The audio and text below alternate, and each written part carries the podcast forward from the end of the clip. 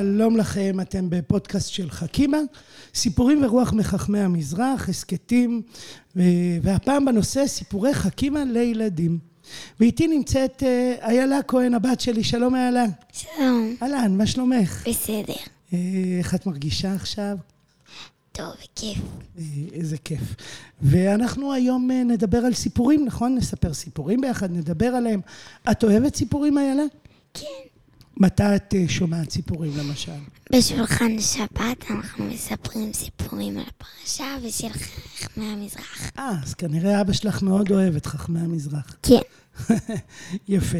והיום אני אספר סיפור על מורי יוסף קפח, הרב קפח, שהוא היה חכם תימני, הוא עלה מתימן לארץ ישראל, הוא כתב המון ספרים, מחקרים ופסקי דין, הוא גם היה איש חכם מאוד, והוא עזר להרבה אנשים. את, אני חושבת שאת מכירה את אשתו, את יודעת מי זאת אשתו?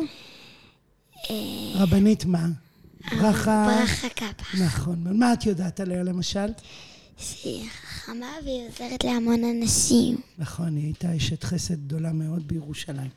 והסיפור שלנו על מורי, על מורי יוסף קפח, והסיפור הוא על ילד, ילד שהייתה לו בעיה. הבעיה הייתה שהוא לא ידע לומר את האות רש, להגות נכון את האות רש, ובמקום רש הוא היה תמיד אומר למד או לש. היה יוצא לו למד במקום רש. למשל, אם הוא היה רוצה לומר כדור, מה הוא היה אומר? כדול. כדול. יש לך דוגמה למשל?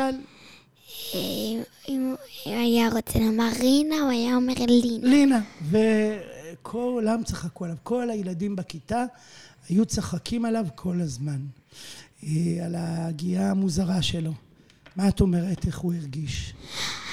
אה, עצוב ממש, כי כשמתנהגים אליך ככה כמו ילד שונה, זה לא נעים. כי גם כשהוא שונה, הוא צריך לקבל יחס כמו כל הילדים. נכון. פה הם גם לא שונאים אותו, הם פשוט לועגים לו, כי יש לו איזה משהו משהו קצת שונה, כן. נכון? אה, התנהגות קצת שונה, או הגייה קצת שונה. ולאט לאט התקרב יום הבר מצווה. והמשפחה שלו הייתה מאוד לחוצה. אבא שלו היה מאוד לחוץ, כי הוא היה צריך להגיד דרשה, או לפי הסיפור שלנו, במקום המילה דרשה, מה נאמר? דלשה. דלשה, שזה באמת מצחיק. והוא מאוד פחד שהוא יגיד את האות רש, לש, וכולם יצחקו. ואז הוא ייפגע ויעלב בבר מצווה שלו.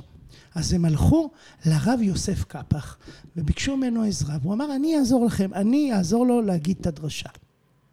ולמרות שהוא היה רב חשוב וגדול ועסוק בפסקי דין וספרים, הוא ישב עם הילד כמה פעמים עד שהם הכינו דרשה מצוינת. ואז הגיע יום הבר מצווה. והרב, הכל היה מוכן, והילד עלה להגיד את הדרשה. כולם היו במתח, מה יהיה, איך הוא יגיד, מה, מה יקרה. והילד אמר דרשה מצוינת, בלי שום שגיאת הגייה, בלי שום טעות בהגייה. הכל היה מתוקתק ומצוין, וכולם היו בהלם. אבל איך הוא עשה את זה? איך מה? איך, איך הוא עשה מה? איך הוא הצליח להגיד דרשה בלי טעויות? כן. זה בדיוק מה שאבא שלו שאל. אבא שלו הלך ל, ל, לרב יוסף קפח, ואמר לו, מורי קפח, איך יכול להיות? אנחנו ניסינו לעזור לו בהמון דרכים. אנחנו, אנחנו ניסינו לעזור לו בהמון דרכים, ו, ואיך הצלחת לעזור לו? אז הרב יוסף קפח אמר לו, אתה יודע, תסתכל טוב על הדרשה. אני כתבתי לו דרשה שאין בה בכלל את האות רש. איך יכול להיות דרשה בלי אות? כי הוא חכם, אז הוא בחר את המילים נכון. נגיד, שלום לכם, משפחה, ובמקום להגיד משפחה יקרה, ואז זה עם רש וזה יבלבל, משפחה אהובה. וככה הוא אמר דרשה שלמה בלי האות רש, ואז לא יצא לו לש ואף אחד לא צחק. מה את אומרת? איך... אה, זה, זה עוזר? זה... כן, גם זה... אני חושב שהוא לא פתר לו את הבעיה, אבל הוא פתר לו את הבר מצווה, נכון? כן. למה הוא לא פתר לו את הבעיה? כי מה הוא יעשה? הוא לא רופא. הוא לא רופא, הוא לא אה, אדם שעוסק בדיקציה, בהגייה. אבל הוא הצליח לעזור לו. באותו רגע של הדרשה, איך הוא הצליח לעזור לו בעצם? הוא עזר לו לעקוף את הבעיה איילה. הוא לא פתר לו את הבעיה, אבל הוא עזר לו שבזמן מסוים הבעיה לא תהיה מפריעה, היא לא תהיה מעיקה, לא תפריע, כי אם בדרשה אין את האות רש, אז ממילא הכל יהיה בסדר. ואני רוצה לשאול אותך, בעקבות הסיפור, אם לפעמים גם את פותרת בעיות ולפעמים את עוקפת את הבעיות. אה, כן, זה קורה לי. זה קורה לך? למשל, אה, אני לא אשאל אותך דוגמאות עכשיו, אבל אה, לפעמים כשאת עוקפת את הבעיה, אז מה את מרוויחה? אני מרוויחה שעכשיו. אני מרוויחה שעכשיו הבעיה שלי תהיה פתורה עכשיו, אני... נכון. ותגידי, כשהילד הזה אמר את הדרשה, וכולם מחאו לו כפיים ושמחו איתו, איך הוא הרגיש לדעתך?